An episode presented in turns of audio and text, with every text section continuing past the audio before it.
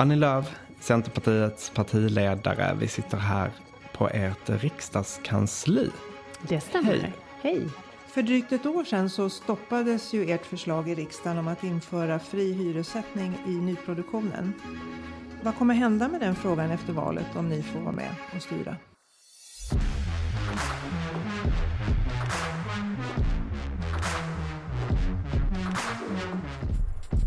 Det här är Svenska Dagbladets Utfrågningen med Erik Nilsson och Inger Arnander.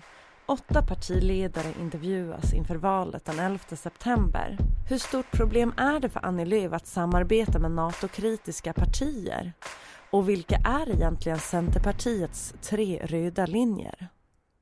Ja, tyvärr så fanns det ju ingen majoritet för det förslaget. Centerpartiet kommer ju fortsatt att driva de här frågorna.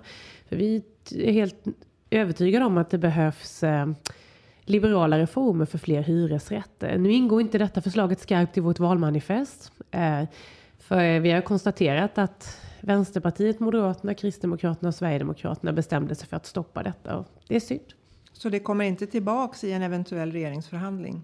Ja, utredningsförslaget finns ju där. Eh, och eh, det är klart att vi gärna vill se det genomfört. Vi tyckte det var synd efter att borgerligheten har velat se det här i 25-30 år, att Moderaterna inte mäktade med och driva igenom det också i riksdagen. Jag konstaterar fakta att den liberala reformen stoppades av oppositionen nu under den här mandatperioden. Och du bedömer inte utsikten att de skulle eh, stödja dig i ett nytt försök som särskilt god då? Ja, under den här mandatperioden så har ju Moderaterna och Vänsterpartiet krokat arm och stoppat arbetsgivaravgiftssänkningar, reformering av Arbetsförmedlingen, eh, rättvisare strandskyddsregler på glesbygd, men också då friare hyressättning i nyproduktion. Det är ju reformer som skulle ha gjort väldigt mycket nytta för, för jobb och företag i hela landet. Det är klart att Centerpartiet fortsatt kommer vilja se dem genomförda. Eh, men då är det också upp till bevis för de partier som också kallar sig för borgerliga att eh, eh, vara med och kroka arm och samarbeta kring detta. Med det sagt ser du framför dig att ni använder er av den utredning som finns och lägger fram ett nytt förslag efter valet? Ja, vi kommer ju att vilja genomföra detta. Sen är det ju upp till de olika samarbeten och förhandlingar som vi kommer ha efter valdagen. Men det är klart att Centerpartiet kommer att stå upp för de reformer som leder till fler hyresrätter och en ökad rörlighet på arbetsmarknaden. Mm. Kan du tänka dig att gå ännu längre? Det här handlar ju om fri, fri hyressättning i nyproduktion. Varför inte fri hyressättning i hela beståndet? För att det inte är Centerpartiets politik. Utan vi tror ju på en ökad rörlighet på, på bostadsmarknaden. Och då behöver man få fler hyresrätter på plats. Och en eh, utvidgad eh, reform. Som, idag har vi presumtionshyror eh, som eh, gäller då för de första åren eh, vad gäller nybyggd hyresrätt. Och en friare hyressättning eller fri hyressättning i nyproduktion eh, skulle ju innebära att det blir enklare och också skapa förutsättningar för fler hyresrätter. Vi tror att det är en viktig reform. Vi kommer fortsätta att eh, stå upp för den. Men vi inser ju också begränsningarna när en majoritet i riksdagen precis har fällt det. För eh, Moderaterna gjorde ju som du säger, de, de fällde ju regeringen när det handlade om den här frågan. Men det handlade väl mer om just att fälla regeringen snarare än att stoppa förslaget. Jag kan komma så, så här. Eh, anledningen till varför regeringen föll då, det var ju för att Sverigedemokraterna såg sin chans att fälla en socialdemokratisk regering när Vänsterpartiets Nooshi Dadgostar hade ställt frågan kring hyresreglering på sin spets. Och i det här politiska spelet så använde då Moderaterna sina röster till att både fälla en socialdemokratisk regering, vilket var det första gången någonsin i Sveriges historia, och samtidigt stoppade man ju då tyvärr den reformering som svensk borgerlighet har velat genomföra under väldigt lång tid. För du, du säger att det här är ett viktigt förslag för att göra någonting åt den bostadsbrist vi har i Sverige. Om, om det inte blir något av detta, vad, vad är plan B? Vi har ju genomfört ett antal ytterligare reformer som fanns i januariavtalet för fler hyresrätt och en bättre fungerande hyresmarknadsmodell. Bland annat så har vi ju genomfört tillsammans med bostadsmarknadens parter ett annat förfarande för att underlätta vid förhandlingar som har varit viktigt. Vi har också styrt om byggsubventionerna så att de riktar in sig på ett mer specifikt sätt till områden som har svag bebyggelse. Och det är klart att friare hyressättning i nyproduktion också skulle ha varit en väldigt viktig del i att få fart på bostadsbyggandet. Nu ser vi ju hur bostadsbyggandet går ner. Det är inte bara för att den här reformen har stoppats utan det har ju med den allmänna ekonomin också. Men det är klart att liberalare regler kring detta skulle ju leda till ökat bostadsbyggande. Socialdemokraternas förslag har ju varit och är att eh, ha ett investeringsstöd. Är det något du kan tänka dig att diskutera?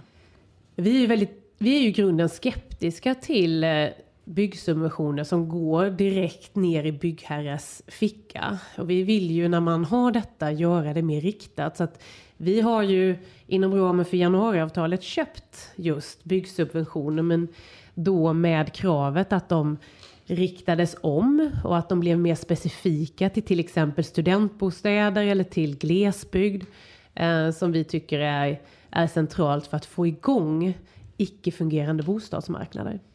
Som du nämnde nyss så har ju eh, även ert förslag om förändringar i strandskyddet stoppades ju också i riksdagen. Vad ser du kommer hända i den frågan? Ja, vi går ju till val på att eh, genomföra den, ut, den propositionen igen. Jag hoppas att moderater och kristdemokrater tänker om. Eh, det här är ju, skulle ju varit den största reformeringen av svensk strandskydd på 50 år.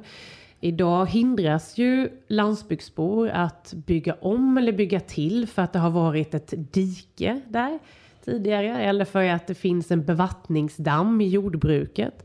Det är helt ohållbara regler som gör att vi behöver få fart på bostadsbyggandet och då krävs det förändrade eh, strandskyddsregler.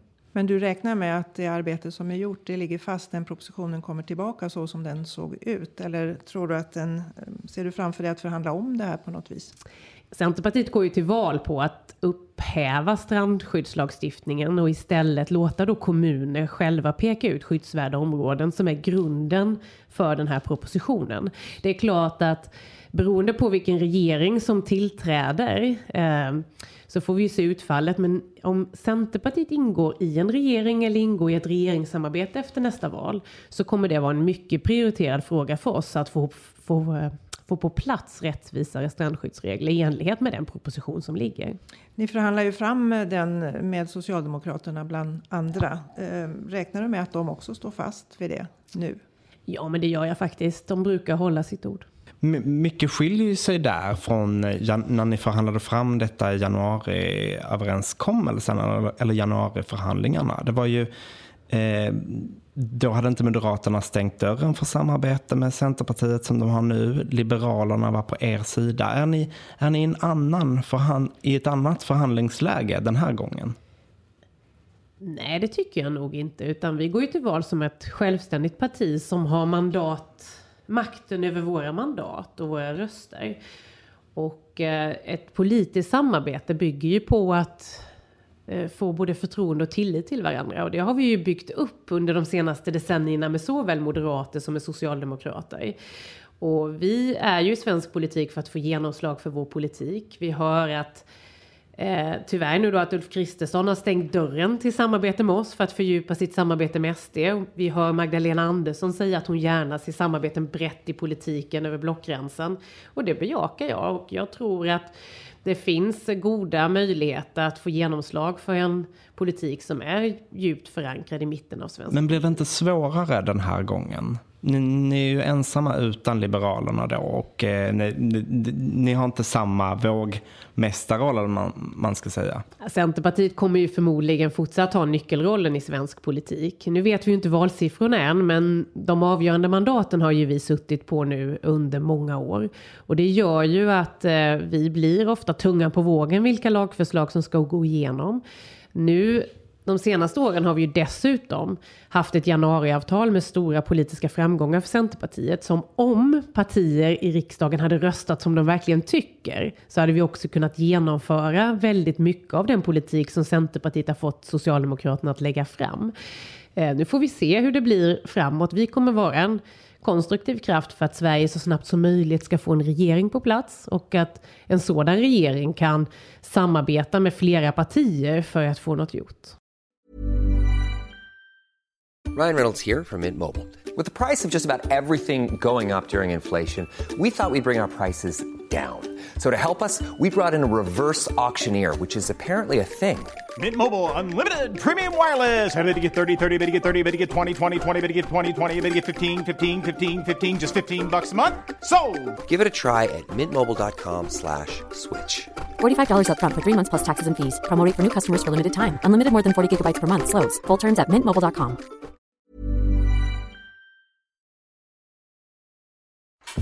Jag är ju uppvuxen med en polis till pappa så att jag har inte gjort så himla mycket sånt.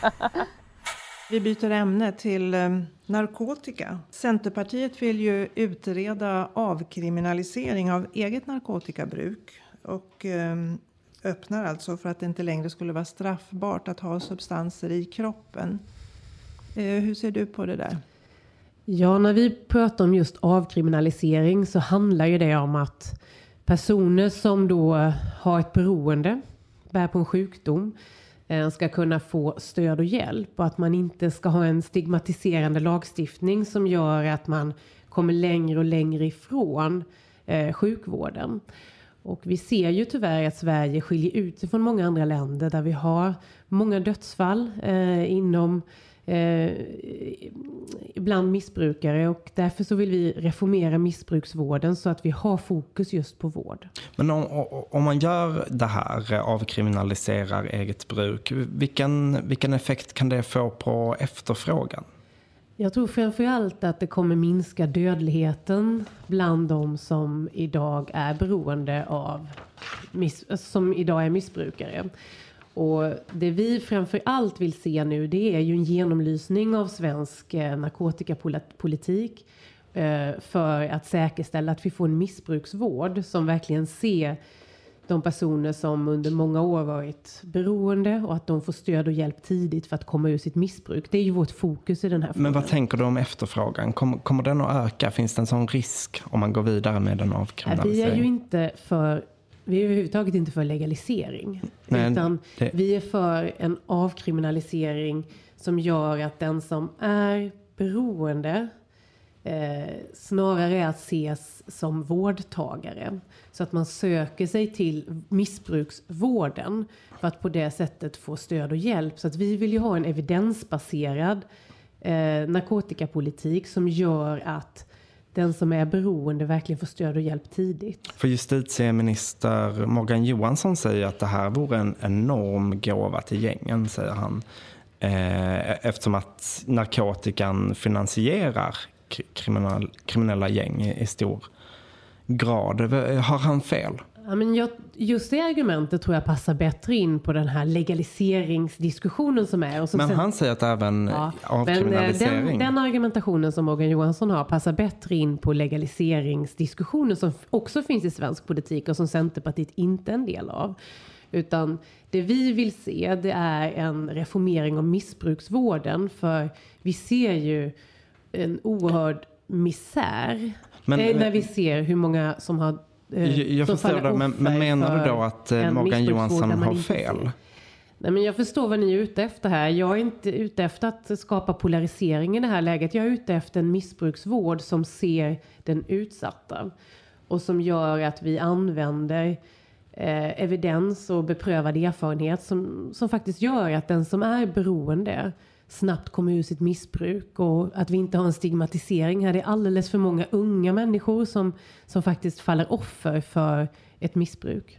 Eh, vi förstår det, men eh, ert ungdomsförbund, eh, de vill ju gå ännu längre. Precis. Och de vill eh, överväga att göra det lagligt då att sälja cannabis. Eh, de menar att gängens finansiering skulle kunna strypas om marknaden regleras eh, på något sätt. Till exempel att, eh, genom att sälja det här i ordnade former, narkotikan. Vad tycker du, du det är, vad tycker du om det? Jag tycker att det är fel politik och det är ingenting som Centerpartiet står bakom. Både Vänsterpartiet och Miljöpartiet är ju öppna om vi har förstått det rätt för eh, om vi går tillbaka till avkriminaliseringen av det egna narkotikabruket. Tycker du att man ska göra gemensam sak, Centerpartiet, med dem eh, i den här frågan? Ja, det är alla partier som tycker så här kommer ju givetvis att driva sina frågor, men det räcker ju inte för en majoritet. Och jag har träffat så många föräldrar som kämpar för att sina ungdomar och sina barn som nu är unga vuxna ska få stöd och hjälp. Och att man ska gå från att vara kriminell till att faktiskt söka vård i tid. Och därför tror jag att Sverige behöver göra, precis som många andra länder, reformering av missbruksvården så att man minskar stigmatiseringen och snabbt får stöd och hjälp. Och de partier som vill vara med på den reformeringen välkomnar jag, för vi behöver ju ha Eh, vi behöver göra den här reformeringen de kommande åren. Eh, men så räcker det ju inte med de partierna utan det måste ju till ett antal. Och du är säker då att det här just avkriminalisering det är ingenting som kommer gynna de kriminella gängen som handlar med narkotika? Vi vill ju framförallt se en utvärdering av svensk missbruksvård och hur vi ska kunna göra den än bättre. Det är ju där vi har vårt fokus. Eh, och jag tycker att vi som politiker måste ta ansvar för att ha en missbruksvård som minskar överdödligheten som vi kan se att Sverige har jämfört med många europeiska länder. Så det här är framför allt en vårdfråga för, för Centerpartiet.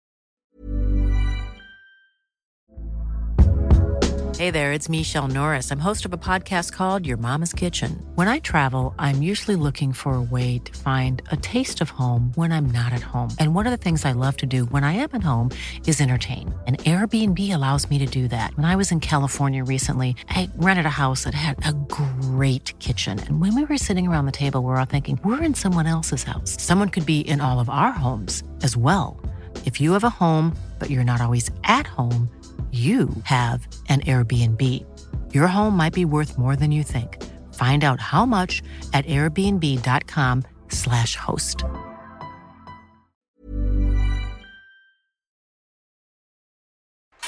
Jag hoppas ju att vi kan ha bra och viktiga samtal i den breda politiska mitten.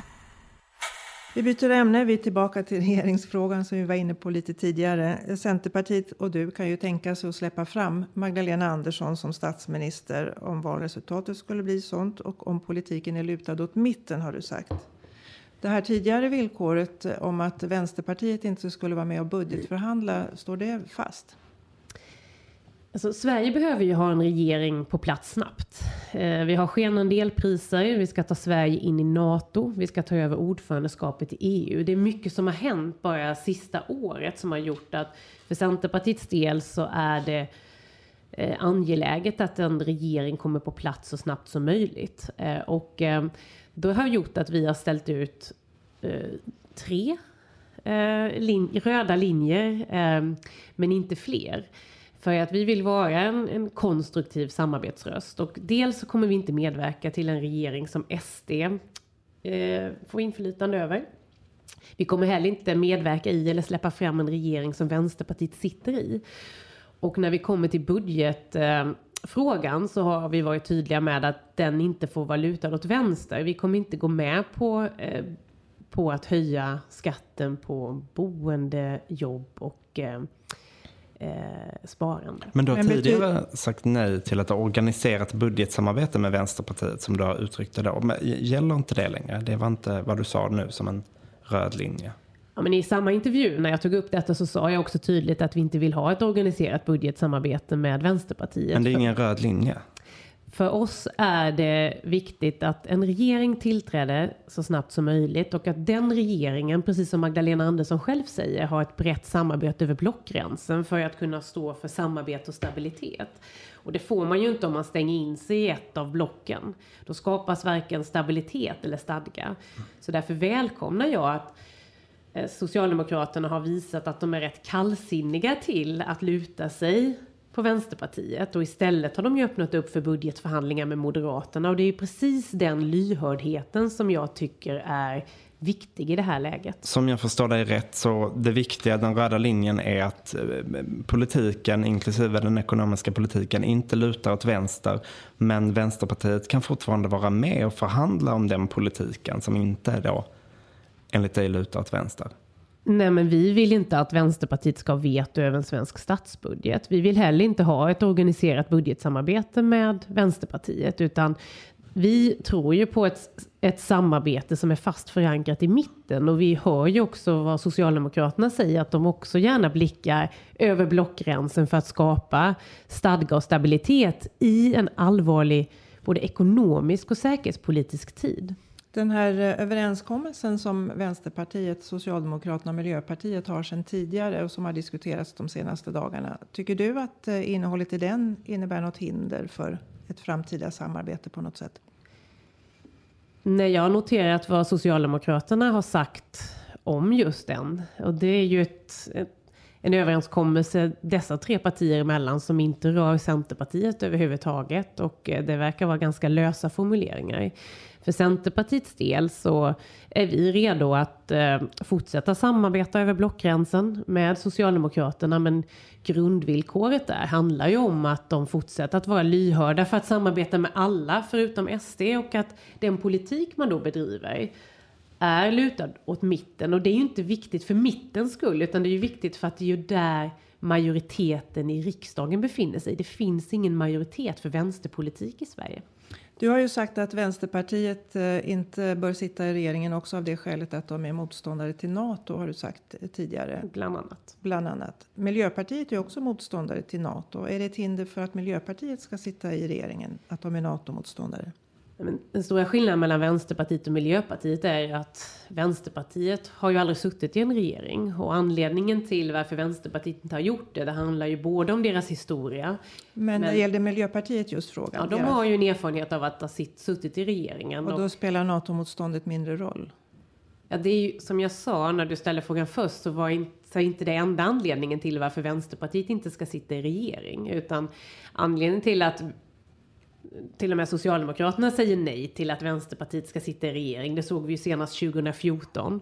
Eh, är ju för dels deras historia, men också att de har en helt annan både ekonomisk och säkerhetspolitisk Men just, uh, ursäkta att jag avbryter, men just gällande uh, Miljöpartiet, varför är inte deras NATO-motstånd ett problem i det här sammanhanget? Det är klart att det är ett problem med NATO-kritiska partier i en regering då vi ska gå fram som land och, och bli fullvärdiga medlemmar i NATO. Det är ju inget snack om den saken. Eh, vad jag utöver det säger är att jag kommer inte bidra till mer låsningar i svensk politik utan Centerpartiet eh, kommer att söka samarbete där vi får på plats en regering som kan lotsa Sverige in i NATO, som tryggt kan lotsa ordförandeskapet i EU från årsskiftet, som kan hantera både gängkriminalitet, klimatkris och lågkonjunktur. Och då krävs det partier i regeringen som har en förmåga att göra det, men också föra samtal över blockgränsen med de andra allianspartierna. Och det är ju liksom en grundförutsättning för att kunna hitta en stabil regering. Sen vilka partier som ingår i en sådan regering eller inte, det återstår ju att se i de förhandlingarna. Och där får vi säga tack så mycket till dig Annie Lööf. Tack så mycket.